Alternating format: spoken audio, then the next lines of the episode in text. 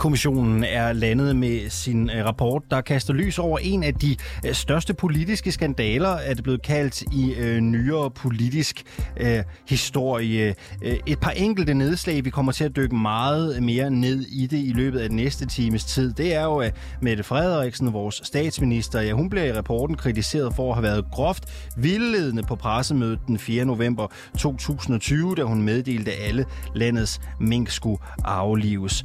Barbara Bertelsen, hendes øverste chef i statsministeriet, hun kan blive draget til ansvar for decideret tjenesteforseelser. Miljø- og Fødevareministeriets ageren, den er særdeles kritisabel. Mogens Jensens forklaring, den bliver øh, forkastet. Han har ifølge øh, kommissionen talt decideret usandt. Og så er der altså en stor skare af topembedsfolk, der nu ser ind i mulige disciplinære sager. Det her, det er reporterne på 24-7 i dag med fuldt fokus på Mink-sagen. Mit navn er Alexander Vils Lorentzen. Frank Korsholm, er de her dage skæbnedage for den nuværende regering? Ja, det er det helt sikkert. Øh, inden for, eller om to-tre timer, tre timer præcis, så har vi et pressemøde i statsministeriet med Mette Frederiksen, hvor hun vil orientere om, hvordan hun øh, kommer videre, altså hvad, hvordan griber hun, hvordan agerer hun på øh, kommissionens konklusioner, hvad agter hun at gøre. Så det, det bliver meget spændende at høre, hvad hun siger. Og så er der jo hele den blå opposition, som, øh,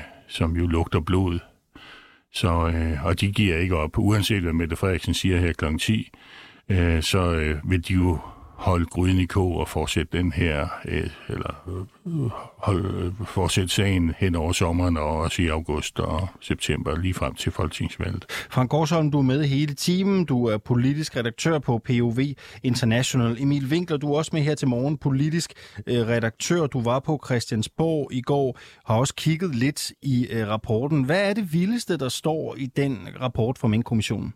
Ej, jeg synes, det er, det er ret vildt, at vi har nogle så markante top embedsmænd, som får en så kras kritik.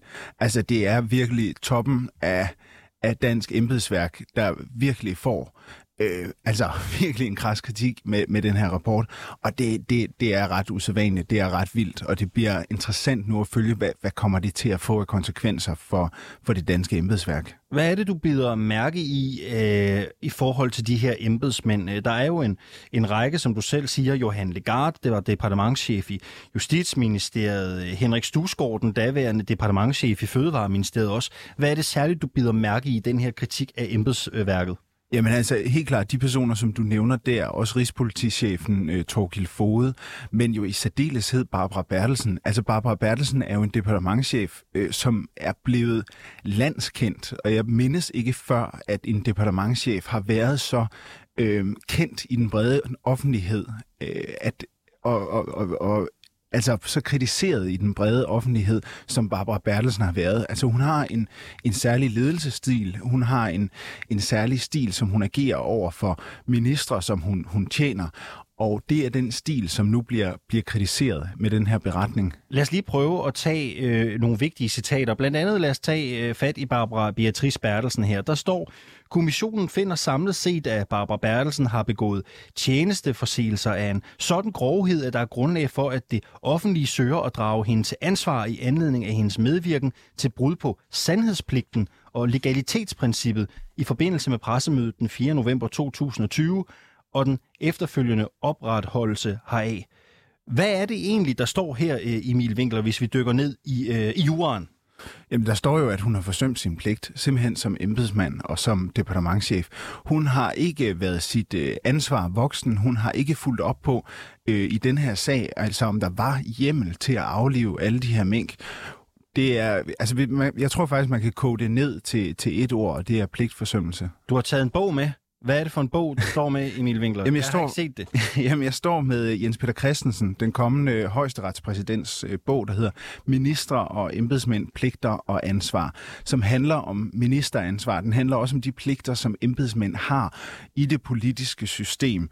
Og øhm, der står faktisk nogle, nogle, nogle ret interessante ting, også når man skal til at tale ministeransvar, ansvaret for de ministre, som er impliceret i den her sag. Frank Korsholm, øh, Barbara Bertelsen er jo en særdeles særdeles kritiseret øh, skikkelse øh, bredt set i øh, den politiske offentlighed. Ikke? Hun har fået kritik for meget i den her øh, håndtering af Mink-sagen. Nu øh, udtaler kommissionen jo så simpelthen også, at, øh, at hun har begået tjenesteforseelser af en øh, decideret grov karakter.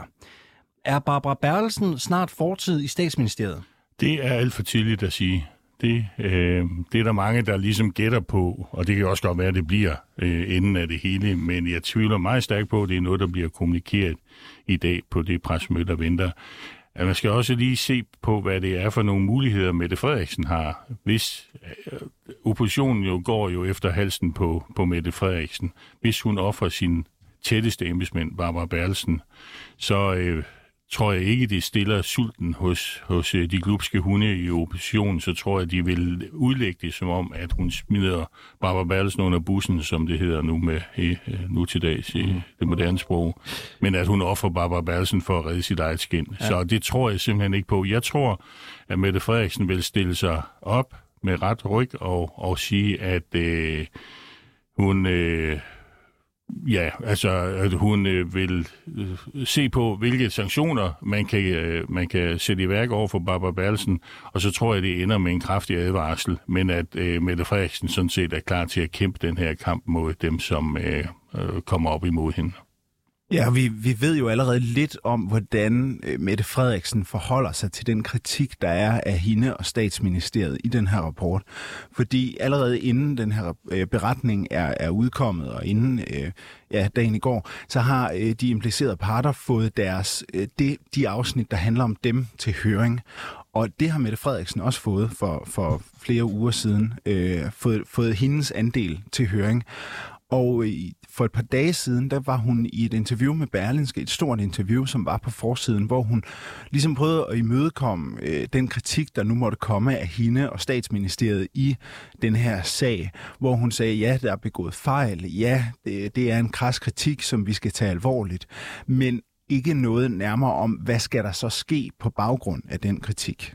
Mette Frederiksen, øh, lad os lige prøve at vinde hende. Nu har vi talt om Barbara Bertelsen, hendes departementchef Mette Frederiksen, for kritik for at have vildledt på pressemødet den 4. november. Groft vildledt. Groft vildledt, ja. Men hun får også at vide, eller kommissionen skriver, at det har hun nok ikke haft til hensigt at gøre. Går Mette Frederiksen fri, helt fri, øh, som du ser det? Ja, det giver jo altid nogle riser i lakken.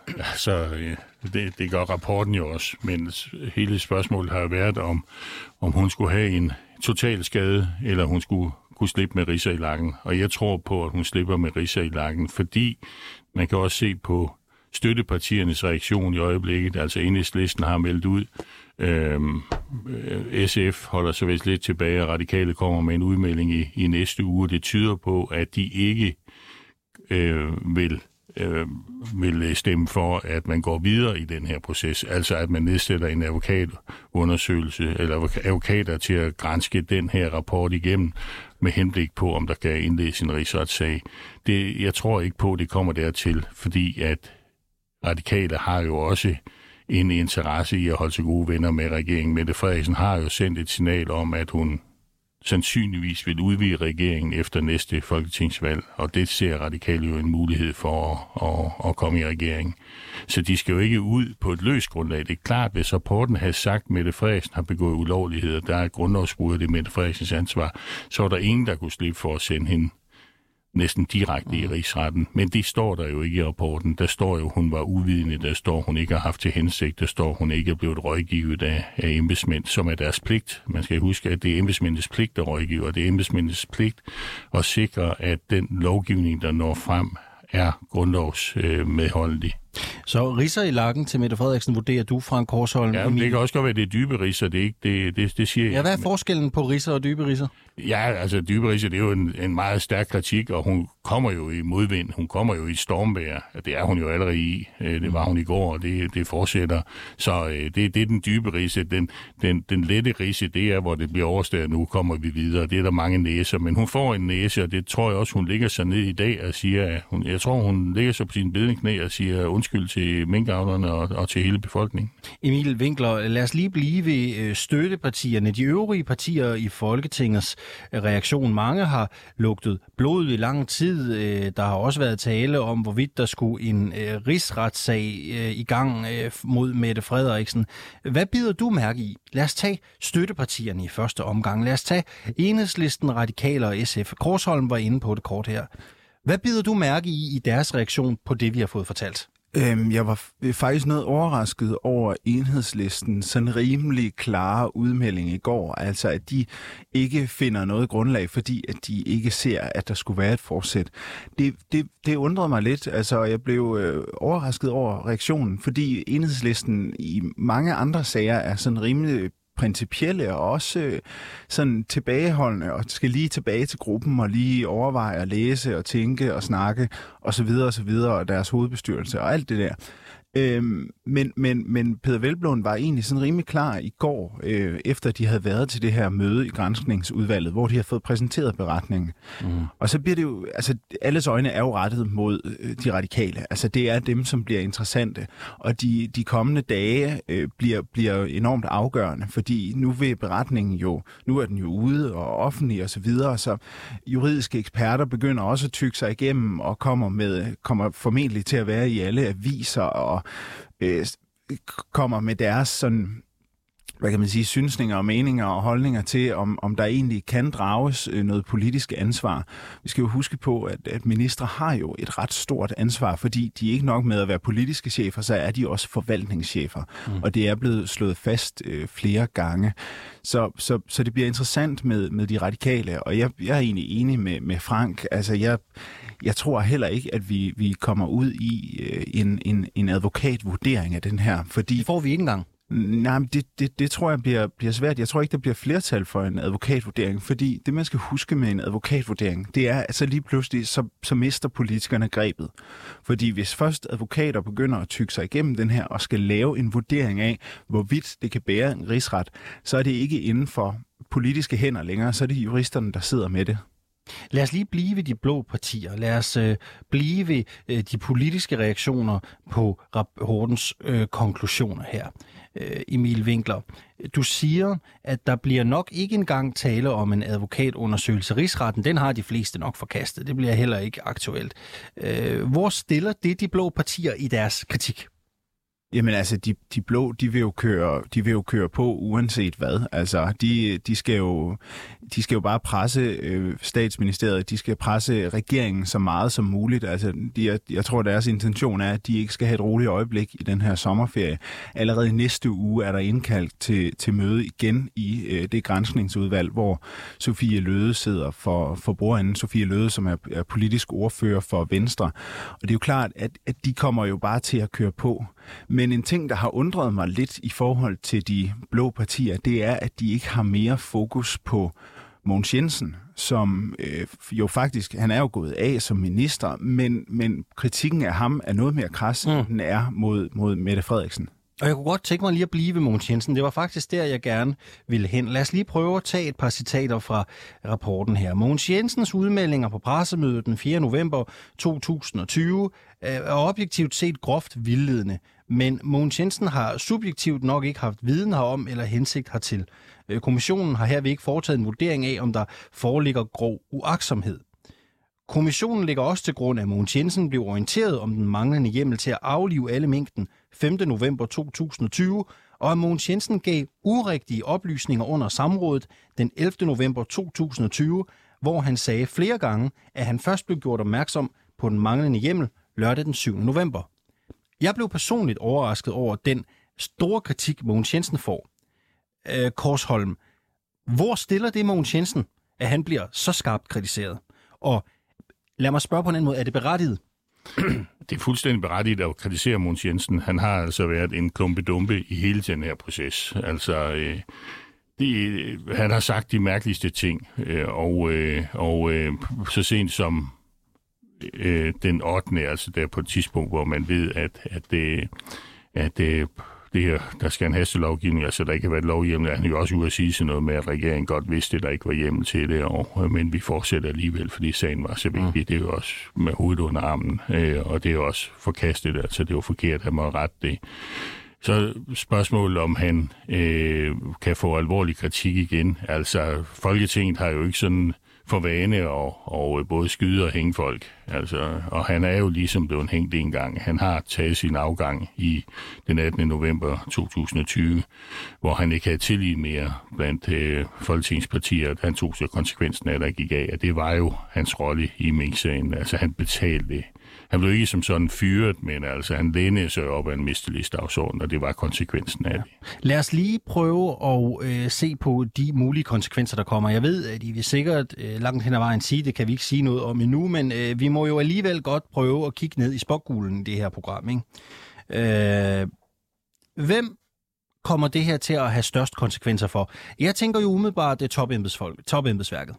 Hvad, hvad tænker du, Emil Winkler? Hvem, hvem kommer vi til at se, øh, om ikke miste, så i hvert fald kæmpe meget intenst for det politiske liv i den nærmeste fremtid?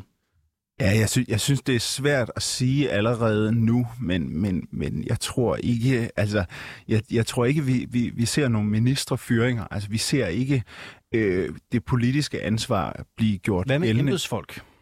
Jamen det er klart, altså der tror jeg helt sikkert, der vil blive, der vil blive igangsat nogle disciplinære sager mod de her embedsfolk, som, som får en, en ret kras kritik. Og jeg tvivler på, at, at Barbara Bertelsen kan blive siddende. Hvad tror du, Frank? Nej, jeg tror, hun bliver siddende. Det er også godt med sådan lidt øh, uenighed blandt Ja, det er jo det lige præcis. Hvorfor tror du, hun bliver siddende? Jamen, fordi, at, øh, fordi omkostningen for Mette Frederiksen vil være så stor. Altså, det, det løser ikke noget problem for Mette Frederiksen. Oppositionen vil blot sige, at du offrer din, bare din, øh, din departementchef, men det er jo i sidste ende dig, der er ansvarlig for det, Mette Frederiksen. Så hun løser ikke noget problem ved det, og derfor kan man jo lige så godt øh, fastholdt, eller øh, stå, stå bag hende og sige, jeg kæmper for dig. Barbara Berlsen har jo været en tro væbner for Mette Frederiksen. Barbara Berlsen er jo hende, der har udført den centralisering af den politiske magt, som Mette Frederiksen har været har ønsket lige fra starten, som hun har udtrykt, jeg ønsker at styrke statsministeriet, og det har Barbara Berlsen jo været det værktøj, der har sikret. Og så kan hun jo ikke nu her bagefter komme og sige, at, øh, at, at nu skal du altså betale prisen for det også. Fordi det, grund til, at der er kritik deroppe, er jo øh, kritik af statsministeriet, kritik af Barbara Berlsen, er jo, at de har styret processen, de har sat sig ind og styret det her de her, øh, I bliver stående i øh, studiet. Der er meget, øh, der er meget snak om, øh, og vi skal også vende tilbage til det her flere gange. Øh, I bliver stående i studiet. Øh, skal Mette Frederiksen gå af oven på den kritik, Mink-kommissionen retter? Det spørger vi om her til morgen, og vi vil også rigtig gerne høre din holdning. Send os en sms 92 45 99 45, eller øh, giv dit besøg med i øh, kommentarsporet på 24-7's øh, Facebook-side. Hvis øh, man selv synes, det her er øh, vildt, så kan man jo øh, med øh, god grund prøve at forestille sig, hvordan de minkavlere, der stod midt i det hele, der måtte lukke deres virksomhed fra den ene dag til den anden, og nu skal forsøge at finde hoved og hale i ved alverden, der foregår, og hvem der er skyld i det hele. Så kan man jo prøve at forestille sig, hvordan de har det.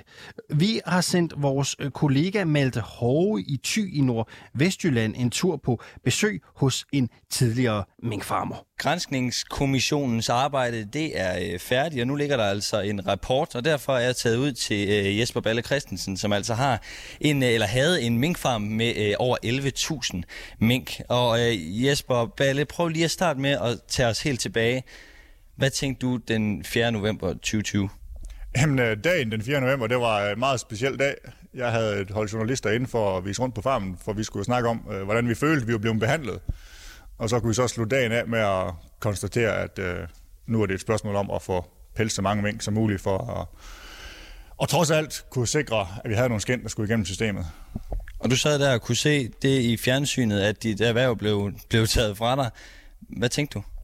Jamen, det var meget surrealistisk. Vi blev indkaldt til et øh, møde på Zoom med Copenhagen Fur, fordi meldingen var jo gået til dem, og de ville godt informere os inden, og så kunne vi så høre pressemødet efterfølgende.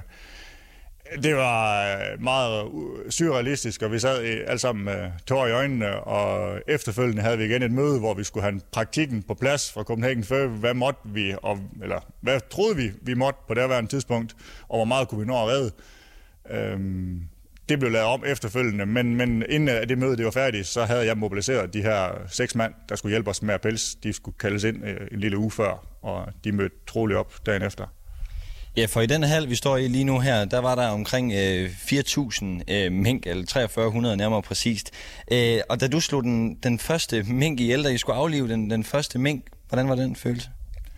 Jamen hele det der var egentlig ikke, øh, det var ikke så specielt for os. Altså, jeg stod op klokken 5, tror jeg, og var i gang med aflevningerne klokken ja, kvart i 6. Men det var egentlig ikke, den proces var ikke anderledes, for det ville jeg alligevel have været gået i gang med bare en uge senere. Så der, hvor jeg gik herom, var det egentlig det var stort set, som det altid har været. Altså, så mødte folkene ind, og så blev det lidt vemodigt igen, for så kom vi til at tænke på det. Men da det hele stod på, aflivningen kørte som normalt, var det ikke noget problem. Men da jeg satte nogle folk i gang med at aflive til destruktion, som vi kaldte det, hvor dyrene egentlig bare skulle smides i en container, der lagde de dyrene op på burene, og egentlig bare skulle smides væk. Og det, ja, det, det er lige før, at den dag i dag, det kan det syn, det kan få mig til at knække sammen. Altså, jeg gik ind i rækken, og, og det syn, det fik mig til at sætte mig ned og bare ja, der skulle lige øh, tælles til 10 og trække vejret dybt og for at kunne komme i gang igen. Og hvad nu, når du går ned ad de her øh, tomme gange, der er fuldstændig stille, som, som aldrig før har? Hvordan har du det? Jamen, det er jo stadigvæk meget specielt, øh, men vi er, jo, vi er jo kommet videre, og vi er jo nødt til at komme videre. Vi, vi kan jo ikke... Øh, vi, vi kan jo ikke leve med, med, med ingen indhold, for lige nu er der ingenting herinde. Så vi er nødt til at få vores hverdag fyldt med noget andet. Øhm, og heldigvis er vi kommet nogenlunde videre på det plan. Og så er der dage som i dag, hvor kommissionen fremlægger, jamen så tænker vi tilbage, og, og man bliver, det er en blanding af vemod og irritation. Hvis vi igen hopper tilbage der til den 4. november 2020, betvivlede du så på noget tidspunkt, at der var tale om en ordre?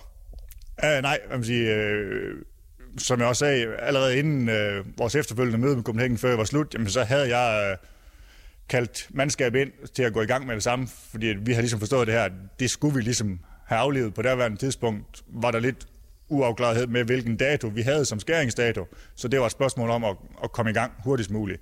Øh, vi var ikke i tvivl om, det var det, vi skulle for den ordre, havde vi fået. Altså, øh, Mette Frederiksens kommando der, den bliver kaldt, citat, øh, groft vildledende, og statsministerens handlinger bliver kaldt meget kritisable.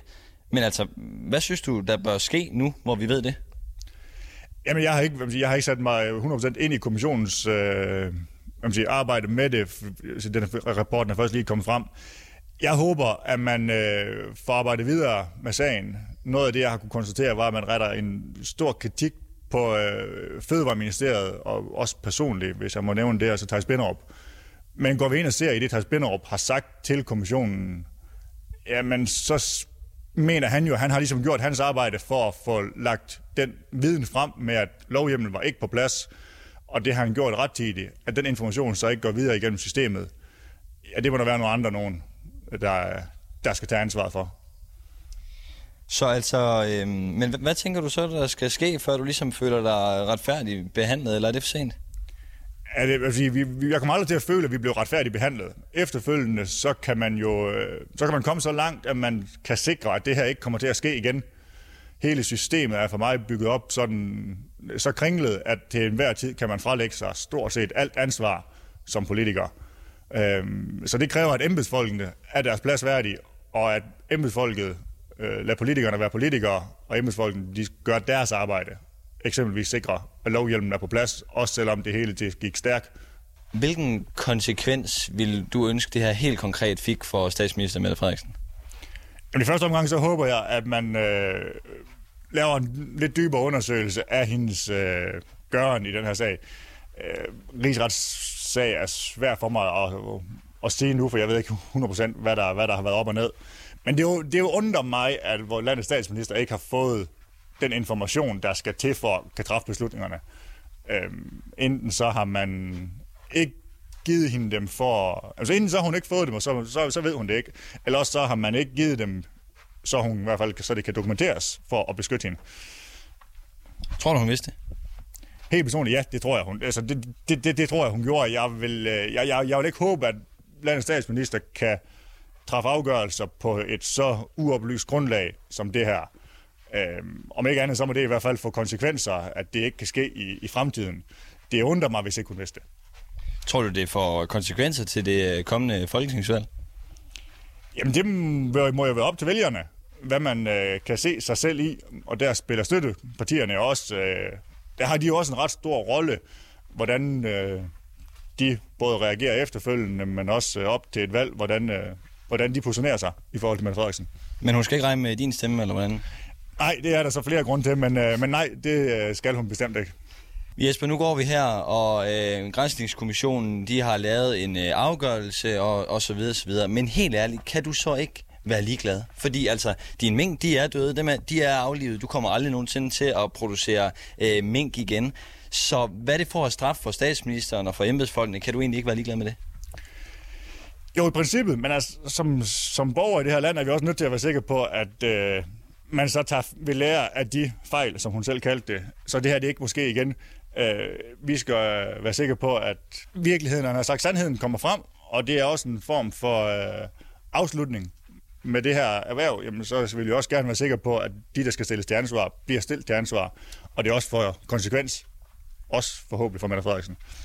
Altså, det har jo været en, øh, en periode, hvor øh, jeg kunne forestille mig, at I har øh, læst rigtig meget om, hvad sker der nu, og sådan noget, og, og hvordan kommer forløbet til at forløbe, og alt, alt sådan noget, har ventet på den her øh, afgørelse. Tror du så, at det her det kommer til at gøre, at du kan slappe lidt mere af nu? Ja, nu kan vi jo så øh, starte det her man sige, afslutning med at vente yderligere en måned. Nu skal de have lov til at komme med deres, øh, deres svar, de øh, ministre, der er, er nævnt i kommissionens øh, rapport. Så nu kan vi vente en måned mere, men umiddelbart så øh, mange af partierne har jo ligesom øh, meldt klart ud, hvad de mener, der skal, skal komme til at ske. Så øh, vi venter en måneds tid mere og ser, hvad konsekvenser det får. Og i første omgang kan vi vente til i morgen jo. Der er jo øh, pressemøde, øh, pressemøde fra statsministeriet. Vi må se, hvad der sker i hvert fald. Øh, mange tak, fordi jeg lige måtte øh, kigge forbi her, Jesper Bell. Jesper Olsen, godmorgen og velkommen til dig. Godmorgen. Du er jo øh, normalt øh, gæst i vores program øh, i øh, form af din øh, egenskab som formand for Transparency International i Danmark, men du er altså også lektor i offentlig ret på Københavns Universitet. Hvad mener du, når øh, du siger, at det juridiske ansvar ligger på topembedsmændene, men det politiske falder tilbage på Mette Frederiksen? Jamen, der mener jeg jo, at øh, det vi kunne se i, øh, i rapporten i går, det var jo, at øh, der blev udmålt jo, at øh, det ser ud som om, at øh, topembedsmændene ikke har levet op til de pligter, som man har som embedsmand efter det, som man kalder Kodex 7, altså som er sådan et sæt pligter om, at man skal hvad det hedder, administrere lovligt, man skal tale sandt, øh, og man skal være politisk, partipolitisk neutral osv. osv. Det, der, det jeg hvad det hedder, sådan set kigger på her, det er jo sådan set det der med, hvordan kan det ske? Fordi det handler jo sådan set om, at det er mennesker, der fejler, men det er systemet, der gør det muligt at fejle.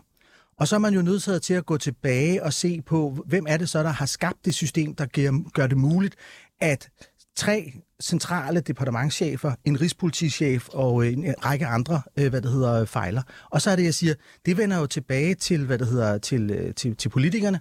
Og hvis ikke man kan gøre et ansvar gældende efter ministeransvarsloven, så kan man jo i hvert fald gøre et politisk ansvar, og man har altid et politisk ansvar, og man har det hele ansvar for det, der foregår i sit ministerium. Jeg skal bare lige se, om jeg forstår dig rigtigt her. Nu prøver jeg lige at skære kagen skarpt, og så kan du sige, om den er skåret for skarpt. Mener du, at den måde, som Mette Frederiksen og Barbara Bertelsen har indrettet statsministeriet på, umuliggør andre departementer, andre instanser at udføre deres arbejde ordentligt. Ja, fordi det er, hvad det hedder, en, øh, det er en anderledes end det, der er grundlovens ordning. Grundloven bygger på, at hver enkelt minister har ansvaret fuldstændig for det, der foregår i sit ministerium. Statsministeren har ikke kompetencen til at kunne hvad det hedder, instruere om, hvad der foregår i de enkelte ministerium. Statsministerens magt er alene at kunne hyre og fyre. Det, der bare er sket under den her regering, det er sådan set, at statsministeriet har trukket det operative, altså alle beslutninger, øh, har man trukket, trukket ind på sit bord, og så er det, man mudder det ansvarssystem, som grundloven bygger på. Er det statsminister Mette Frederiksens skyld, at vi står med den her politiske skandale, som vi står med nu? Ja. Ubetinget hendes. Ja, fordi det er hende, der er statsminister, mm. der har indrettet det, og det er hende, der har trukket, hvad det hedder, der har trukket det ind. Og det er hende, som har skabt et system rundt om sig, som i virkeligheden gør, fordi, fordi det jeg jo, hvad det hedder, godt vil give Mette Frederiksen, det er jo sådan set det der med, jeg tror jo ikke, der er, no, der er nogen politikere, eller ret mange politikere, som bevidst træffer ulovlige ordre. Så skal man jo bare stille sig selv det spørgsmål, hvorfor fik jeg ikke informationen? Og det er jo, når man skaber et system, der ikke fungerer. Mener du, øh, at vi kan have sådan en øh, statsminister i Danmark? Det er jo politikerne, hvad det hedder, der, øh, tager, der tager, op, øh, tager det op. Hvad tænker du? Jamen, jeg siger, at hvad det hedder, jeg synes, at det er problematisk, at vi kan have hvad det hedder, en statsminister, som sådan set i virkeligheden skaber et andet system end det, der er grundlovens ordning. Mener du, hun bør gå af?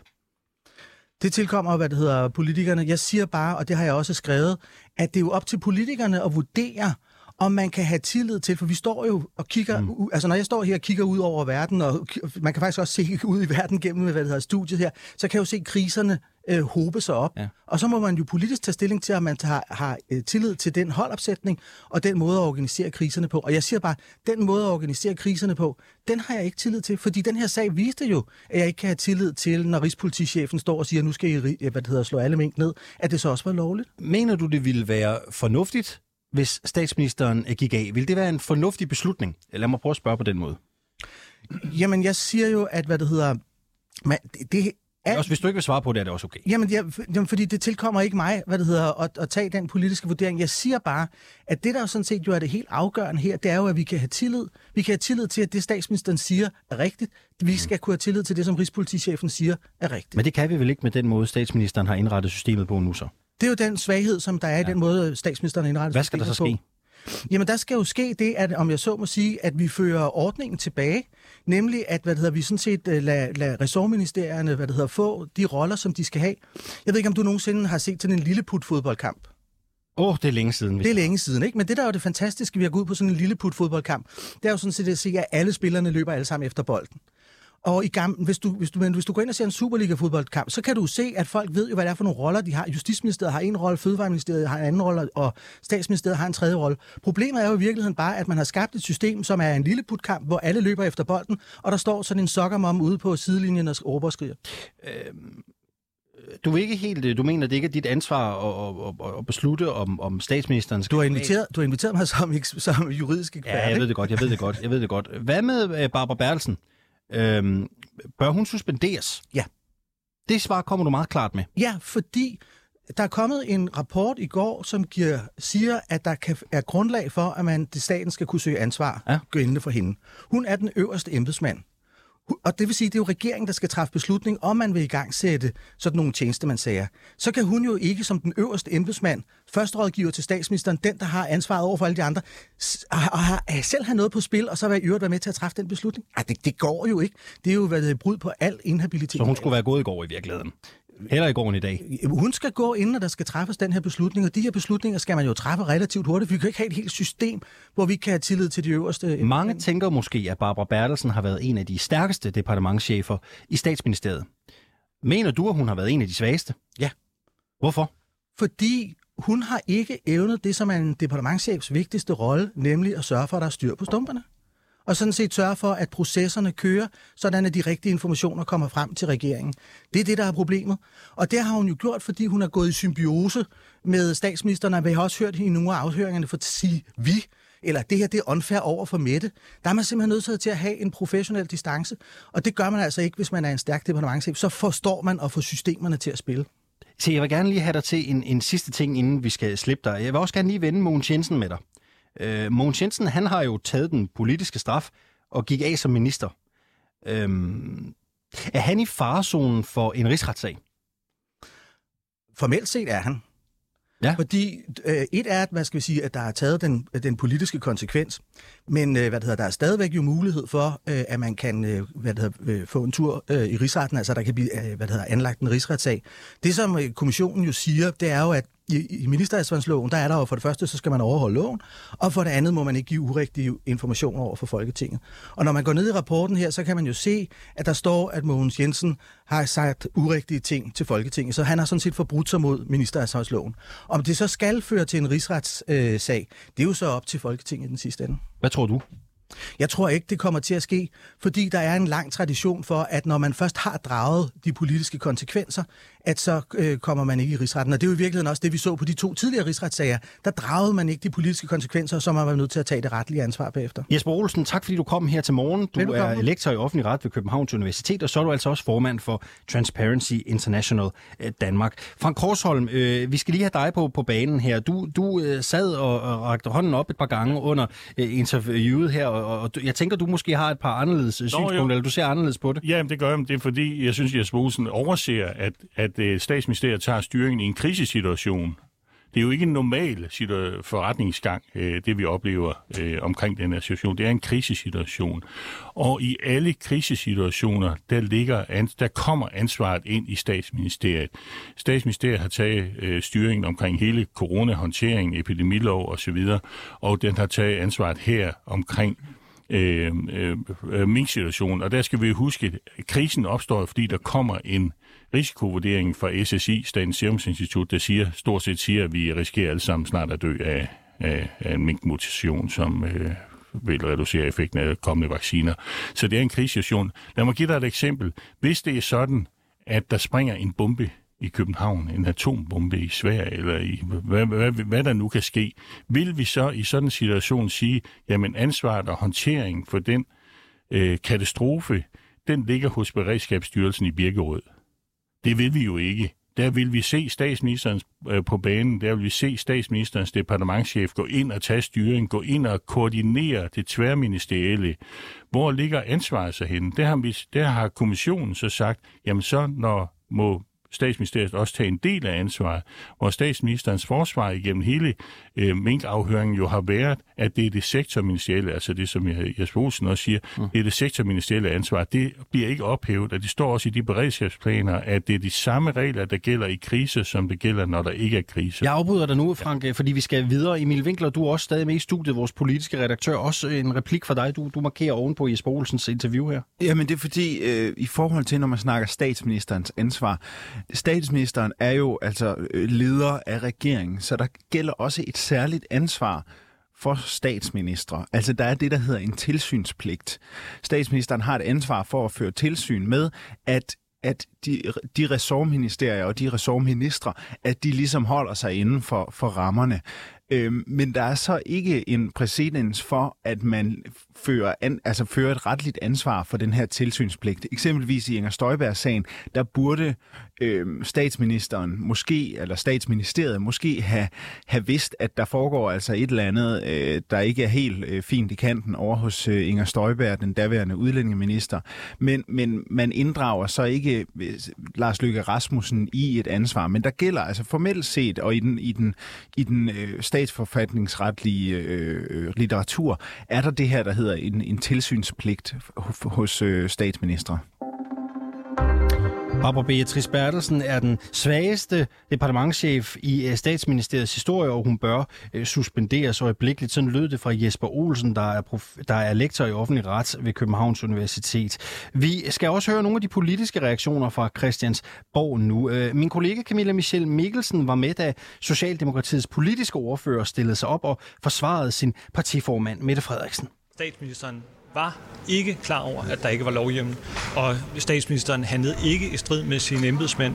Tværtimod, da det øjeblik, hun blev klar over, at der var et hjemmelsproblem, så øh, sørger hun for, at hjemmel bliver tilvejebragt. Og det er en diametral modsætning til eksempelvis Så hun er så uskyldig, så man ikke behøver at kigge mere på det. Det er det, du siger. Det er den største skandale, nogen overhovedet kan huske. Og Mogens Jensen løg. Han løg faktisk. Det er blevet bevist. Og, og Mette Frederiksen groft vildledte hele befolkningen, alle danskere. Hvorfor er det, at du ikke vil have advokater til lige at kigge det igennem? Hvis der alligevel ikke er noget problem, så skulle det ikke være så svært. Vi har netop, netop øh, og fordi jeg er sådan set er enig i, at det her det er en meget alvorlig sag, og det er også en stærk kritik, kommissionen kommer med. Men vi har jo netop haft en kommission til at belyse sagen. Vi har netop modtaget ni bind, tror jeg det er, hvor at det er meget omfattende beskrives, hvad der er foregået, og hvor at beviser vurderes. Og derfor så er der jo ikke noget, der ændrer ved det, ved at man så øh, får nogle advokater til at læse øh, konklusionen for os. Altså eftersom at konklusionerne er så entydige, som de nogle gange er Hvad er du bange for, at advokaterne skal komme frem til? Jamen, øh, der er en tradition for kommissionsundersøgelser. Vi har haft otte kommissioner siden øh, undersøgelseskommissionsloven blev vedtaget i 99. Der er en af dem, hvor man har brugt advokater til at læse resultaterne. Grunden til, at man gjorde det, det var fordi, der i konklusionerne var noget, der indikerede, at her der var der foregået noget, der var stærkt kritisabelt. Det var instrukssagen, og det var, hvor at en minister havde handlet imod øh, lovgivningen og havde handlet imod sin embedsmænds råd. Og her der er den aktuelle rapport, vi nu har modtaget fra Mink-kommissionen, kendetegnet det modsatte. Men kan man ikke siger du til kritikken af, at nu er der lagt op til en række juridiske tiltag mod de her øh, embedsfolk, men det samme er ikke tilfældet for politikerne. Er det rimeligt, og skulle de øh, være mindre, have handlet mindre uagtsomt end øh, embedsmændene? Jeg vil for det første minde om, at Mogens Jensen har jo taget konsekvensen af det her, altså han gik som minister øh, Ja, i sin tid. ti Det, embedsmænd, og der er en række ministre også. Og så er det rigtigt, at nu er der så også en række embedsmænd, hvor at kommissionen udtaler en meget kraftig kritik. Og, og de sager, de kommer til at køre som personalesager, men det er forskellige roller, politikere og embedsmænd har. Der er jo for eksempel den forskel, at hvor at det ikke er politikers roller at være juridiske eksperter og vurdere, om der eksempelvis er et hjemmelsgrundlag, så er det i nogle tilfælde en embedsmandsrolle at gøre den slags. Siger du også, det er konsekvensfrit at være politiker? Nej, det siger jeg bestemt ikke. Og det? Jamen, jeg siger ikke, at det er konsekvensfrit at være politiker. Jeg nævner netop og minder netop om, at Mogens Jensen han jo faktisk øh, måtte gå af som følge af sin håndtering af det her. Og i øvrigt, at nu har vi fået den her øh, afrapportering og øh, forholder os meget øh, seriøst til den kritik, der bliver rejst af os. Men det var vel en politisk konsekvens, da Mogens Jensen måtte gå af. Der var vel ikke nogen øh, juridisk konsekvens? Men det er nu engang sådan, det fungerer i, med, følge ministeransvarsloven. Altså, der er et kontinuum af repressalier, der starter ved, at man kan udtale en eller anden grad af kritik. Man kan give det, man kalder næse, og man kan øh, afskede en minister, men man kan også øh, føre en rigsret. Men det ændrer vel ikke ved, at så er der vel også forskel på politikere og ikke-politikere. Hvis du kun kan få en politisk konsekvens som politiker, ikke en juridisk konsekvens. Nej, jeg synes, det man er nødt til at minde om her, det er, at nu er konklusionerne i den her øh, beretning, at statsministeren var ikke klar over, at der ikke var hjemmel. Jamen, Det var noget det- andet. Nå ja, men altså nu er det jo så øh, en, en pris, der er betalt her. Altså, og Mogens Jensens sag er jo på den måde øh, blevet håndteret, og det har han jo også selv, men igen, forholder det er han jo sig jo også selv til i dag. Politisk konsekvens. Hvad, Men- er, hvad er muligheden for en juridisk konsekvens over for Mogens Jensen, hvis han også skal behandles øh, som et, et andet menneske, der kan få nogle juridiske konsekvenser? Jamen, han har taget konsekvensen af, af sin beslutning, og det kommer jo ikke nærmere. Der må jeg henvise til Mogens Jensens egen øh, udtalelser på, øh, på Facebook. Hvorfor er det, du synes, det er så afgørende? Bliver ved med at fremhæve, at statsministeren siger, at hun ikke har fortsat, og det mener du så også er bevis med kommissionens beretning. Ja. Men samtidig er juridiske eksperter ved at pande argument ned. Altså ministeransvarlighedsloven siger, du skal faktisk ikke nødvendigvis have et forsæt, før du kan blive straffet for at handle uagtsomt som minister. Altså går I bare og brygger jeres egen jura, eller hvad du baserer det der på? Nej, altså hvis man ser på øh, praksis og ser på alle de rigsretssager, der har været ført i Danmark, så er der ikke nogen ministre, der er blevet dømt, øh, hvis ikke de har fået et, et er ving med en vognstang fra en... ganske sager. Altså, det er jo meget, meget Det er jo ret afgørende. Det er jo, nej, det, er- jeg synes, det er ret afgørende. Der er ikke nogen minister, der er blevet dømt, medmindre at de har fået et vink med en vognstang fra en embedsmand om, at nu er du på vej ud på øh, den tynde is, og du begår noget, der er ulovligt. Og her, der var det det modsatte. at prøve at lave en øh, Men- tryktest af, om ministeransvarlig Jamen nu er der jo det særlige ved den her beretning, at man kan jo læse konklusionen, og der fremgår det, at statsministeren ikke har gjort noget øh, mod bedre vidne, og det er helt afgørende. Kan man ikke køre så meget over for rødt, at det skal have en konsekvens alligevel? Jamen, øh, der har været en konsekvens her for Mogens Jensen, og derudover For så... Jamen, der synes jeg, at konklusionerne er meget entydige her, at statsministeren har ikke begået nogen fejl. Og derudover så vil jeg henvise til, jeg har ikke mere at tilføje nu, jeg vil henvise til, at statsministeren afholder et, et, et, et pressemøde i morgen. Vildledende. Og, og der er der mulighed for at stille opfølgende spørgsmål. Så tak for i dag. Ja, enhedslistens øh, position, den har også overrasket mange, og enhedslisten var også ude i går til pressemødet. Anført af sundhedsordfører Peter Velblom, der var de hurtigt ude og frede Mette Frederiksen for en øh, rigsretssag. Vi bliver nødt til at sikre os, at vi har en konkret øh, anledning til det, altså vi kan dokumentere, at her har der været viden til stede, som man ikke har benyttet sig af. Og det er jo det, vi har bedt kommissionen om at undersøge. Det er det, kommissionen i dag er kommet med en klar konklusion på, at det kan vi ikke sige. Det er der ikke grundlag for at sige, og derfor så kan vi heller ikke drage den Men konsekvens. hvordan kan have tillid til regeringens regeringsførelse, når den kan lave så fundamentale fejl? Og det er også derfor, jeg siger, at vi bliver nødt til at se på, hvordan kan man undgå det her, det kommer til at ske fremover. Hvordan kan vi øh, sikre, at der bliver også udtrykt kritik af, af den håndtering, der har været fra ministerne. Og, øh, og hvordan kan vi øh, hvordan kan vi jo få, få fuldt op på de klare fejl, der er blevet begået. Men Peter du bliver ved med at sige, at det her det handler om forsæt. Det handler om, om statsministeren mm. vidste, at, øh, at der var et problem med det, hun gjorde. Ja. Men hvad er det for en juridisk udlægning, du så, du så har i forhold til det? Fordi de eksperter i jura, som faktisk ved noget om det her, de siger sådan set, at ministeransvarsloven, den siger meget klart, du behøver ikke have øh, et forsæt, for at du mm. kan blive straffet for den. Hvorfor er det så, at du kan frikende Mette Frederiksen på den lidt alternative juridiske vurdering, I åbenbart har lavet? Kan Jamen du det, er- det er ikke nogen, det er fordi, det spørgsmål er jo altid en politisk vurdering. Altså der ligger ikke en klar øh, juridisk stregebog for, hvordan sådan en proces her skal køre. Det vil i sidste ende altid være en politisk vurdering. Vi har altid brugt den politiske vurdering. Men har du, hvis- ikke, har du ikke fuldstændig købt Mette Frederiksens egen præmis, som samtlige har været nede og pande ud om, at hun siger, at det handler grundlæggende om, om jeg gjorde det med vilje? Nej. Er det ikke den, du er ved at købe lige nu? Jeg bruger den præmis, som vi altid har brugt i enhedslisten i forhold til, hvornår vi stiller en minister til ansvar, og hvornår vi drager den ultimative konsekvens. Vi plejer også og det altid gerne at ville kontrollere magten. Kunne man ikke Det i det her gør vi, tilfælde, hvor der vi gør er ting, der ikke bliver undersøgt af Mink-kommissionen? Det siger de selv. De undersøger ikke spørgsmålet om uaksomhed.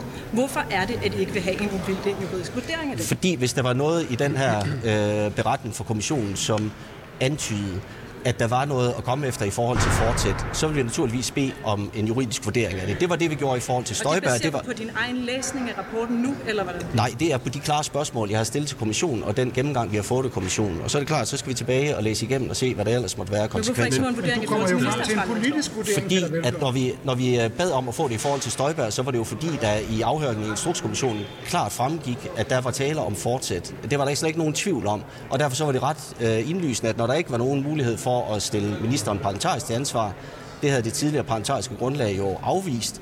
Hvis de havde gjort det, så havde vi heller ikke rejst Men, men vi, vi tager den lige til sidst. Jeg Okay, jamen så- tilbage til den. Godt, jamen så lad mig prøve at bruge- siger, at man kan straffes, selvom der ikke er forsæt. Ja. Hvorfor er det så, at du bliver ved med at sige, at det er så vigtigt, der er forsæt? Fordi hvis vi nu tager eksempel med Støjberg, hvis der dengang havde været et ansvarligt parlamentarisk grundlag, som havde draget den politiske konsekvens og væltet Inger Støjberg, så var der ikke blevet rejst en rigsretssag. Det var den eneste mulighed, der var på daværende tidspunkt. Her, der har vi muligheden for at drage en parlamentarisk konsekvens. Så kan vi se, handler det om at vælte en minister, eller handler det om at udtale kritik. Og så er det klart, så derefter så er der også muligheden for, om der skal rejses et, øh, et juridisk spor. Og der bliver jeg bare nødt til at sige, at når der ikke ligger en klar indikation på, at der har været fortsæt, ministeren har ikke afvist at tage imod råd fra embedsværket, ja, så er den rimelig klar for vores Du vedkommende. indikationer. Hvad med at få noget sikker viden på, om der har været forsæt? Så kan du få ryddet alt tvivl af banen.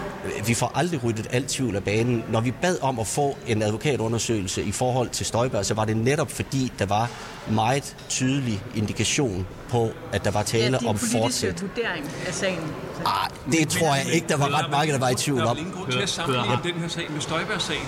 Hvorfor Nej, er nu det det hele er tiden, det- at den skal sammenlignes med øh, Støjberg? Øh, Det er fordi, det er I ivrig efter at gøre. Jeg kan sagtens lade være med at sammenligne med Støjberg. Der kan vi sige, at i det her tilfælde, efter enhedslistens målstok for, hvornår vi vælger ministre, som handler om, at vi skal, vi skal kunne dokumentere en klar viden, ja, så er der ikke grundlag for det her.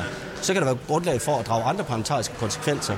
Men at drage den ultimative konsekvens og sige, at vi ikke har tillid til en minister, det kræver altså, at vi kan dokumentere, at der har været konkret viden til stede, at man har haft fortsæt. Men det vil Ja. sige, at enhedslisten har mindre strikse kriterier over for ministre, end man har i øh, ministeransvarsloven. Altså det er de her kriterier, vi altid har brugt i forhold til at skulle vælge ministre. Øh, der har vi altid Men det er vel også mindre restriktivt så i forhold til at stille Ja, det- ministre til ansvar? Altså hvis du går tilbage og ser historikken i forhold til, øh, til rigsretssager for eksempel. Jeg tror, den eneste gang, der blev dømt en minister for grov uagtsomhed, der skal vi tilbage til, to, til 1910, øh, hvor en, en minister blev dømt for at have overhørt advarsler fra embedsværket. Og der mente man faktisk ikke, der var tale om fortsæt, men der var tale om øh, grov uagtsomhed. Men, og det var på trods af, at der lå øh, klare advarsler fra Men det vil embedsværket. sige, fordi jeg, at det er længe jeg bliver altid nødt så til at gå, enhedslisten ikke, det er noget, man behøver at kontrollere nu.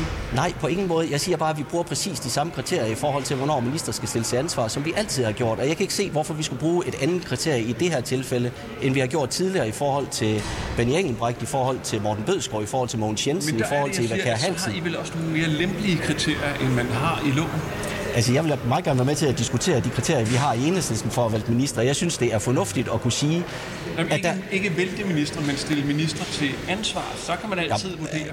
vi vil altid gerne stille til ansvar, og det er også derfor, jeg siger, at vi kommer helt klart til også at udtale en skarp kritik. Men at vælte en minister, det kræver altså, at der er tale om fortsæt efter Men vores hvorfor målstok. ikke følge ministeransvarlighedsloven, hvis man gerne vil stille en minister til ansvar? Jamen, hvad er, hvad er det for nogle yderligere konsekvenser? Altså, der er muligheden for enten at vælte en minister, der er muligheden for at udtale kritik. Jeg ved ikke, hvilke øh, andre konsekvenser der er, du tænker, der skal være muligt. eksempelvis.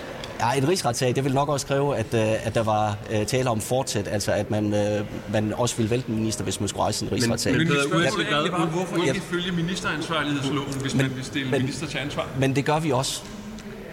Jeg siger også bare, jeg siger, vi ikke vi forholde til, om der er en grov uaksomhed? Ja, med grov uagtsomhed ligger meget, meget tæt på fortsæt, i hvert fald med den øh, præcedens, der har Og været. hvis I skældner i ministeransvarlighedsloven, hvorfor vil I så ikke foretage den tilsvarende skældning i enhedslisten? Det er fordi, vi har haft den respekt over for folkestyret, at vi har præcis den samme tilgang, som vi altid har haft, at hvis vi kan dokumentere, at der er fortsæt, så vælter vi en minister. Hvis der er konkret viden til stede, som minister øh, fortiger, lyver om, øh, undlader at viderebringe til Folketinget, så har de ikke længere vores tillid. Det er det, vi har demonstreret tidligere. Det gør vi. Det er den retningslinje, vi har. Den bruger vi i tidligere tilfælde, og den bruger vi også i dag. Vores øh, reporter Camilla Michelle Mikkelsen spurgte også Dansk Folkepartis formand Morten Messerschmidt, om han støtter en rigsretssag mod Mette Frederiksen. Det synes jeg jo, at vi skal have respekt for hinanden til at lade øh, nogle uafhængige folk afgøre. Der er i hvert fald øh, masser af stof her til, at man kan retfærdiggøre, at øh, tingene kommer fra en rigsret. Og derfor synes jeg jo, at man skal lade nogle uafhængige advokater øh, afgive en betænkning, så vi i Folketinget kan få skåret alt det politiske fra og se på den kolde jure. Det er det, vi anbefaler, og det er det, jeg er dybt forundret over, at til synligheden et flertal af de røde partier siger nej til. Ja, de siger nej. Er det hyklerisk? Ja, det er moralsk. Altså, at man har en regering, som træffer en så øh, voldsom beslutning, en statsminister, som selv sætter sig for bordenden og ovenikøbet forser det unødigt, hvor man så gør det på en måde, hvor man det bevidst ikke undersøger, om der er hjemmel. Så kan man diskutere, at det fortsætter eller er det uaksomhed, men det ændrer ikke på, at det er øh, klart i strid med ministeransvarlighedsloven. Og når man så dertil lægger, at man ovenikøbet groft vildleder offentligheden og dermed altså også Folketinget, så vil jeg sige, at det her det bliver en af de største skandaler i Danmarks politiske historie, hvis det ikke får et retsligt efterspil. Hvilket signal synes du, det sender til minkavlerne, der har mistet en hel bestand? En dyb arrogance, altså, men det er i virkeligheden til hele det danske samfund. Altså på den her, hvad kan man sige, i den her sammenhæng, der er minkavlerne og resten af danskerne, herunder ikke mindst skatteyderne og folk, der troede, at Danmark var et retssamfund, fuldstændig i samme båd. Ja, et par politiske re- reaktioner fra øh, Christiansborg. Øh, fra Korsholm, du, øh, du, du grinte her til sidst. Var det i relation til Morten Messersmiths øh, replik? Ah, det, der er jo nogen, der sådan godt kan gribe ud efter papirgåen, når Morten Messerschmidt snakker om, om, om lov og ret, ikke? Hvad mener du med det? Ah, har han ikke en sag kørende for Lyngby øh, øh, ret her, der skal starte her i løbet af, af efteråret, så øh, Nå, så det er lidt hyklerisk, tænker du? det, det, det kan man måske godt sige, ja. ja. Øh, vi hørte øh, Socialdemokratiet Stoklund, vi hørte Peter Velblom fra Enhedslisten, og altså Morten Messerschmidt fra Dansk Folkeparti. Øh, Barbara Bertelsen er jo øh, det helt store omdrejningspunkt, lader det jo til at blive. Der kommer til at være opmærksomhed omkring hende. Emil Winkler, øh, de øvrige ministre og de øvrige medlemmer af regeringen, måske også det socialdemokratiske bagland i form af borgmestre i Vestjylland og Nordjylland, hvor meget er de villige til at gå på kompromis med Barbara Bertelsen, når nu denne konklusion er landet fra øh, Mink-kommissionen? Hvad, hvad tror du?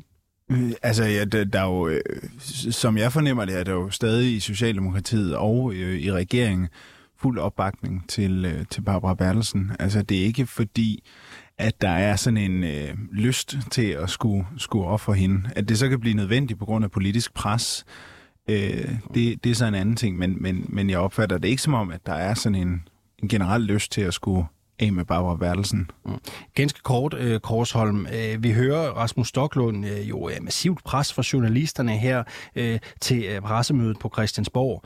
Hvad kommer den her sag til at betyde for det socialdemokratiske bagland? Øh, borgmestre, Jylland, øh, ude i Minkland.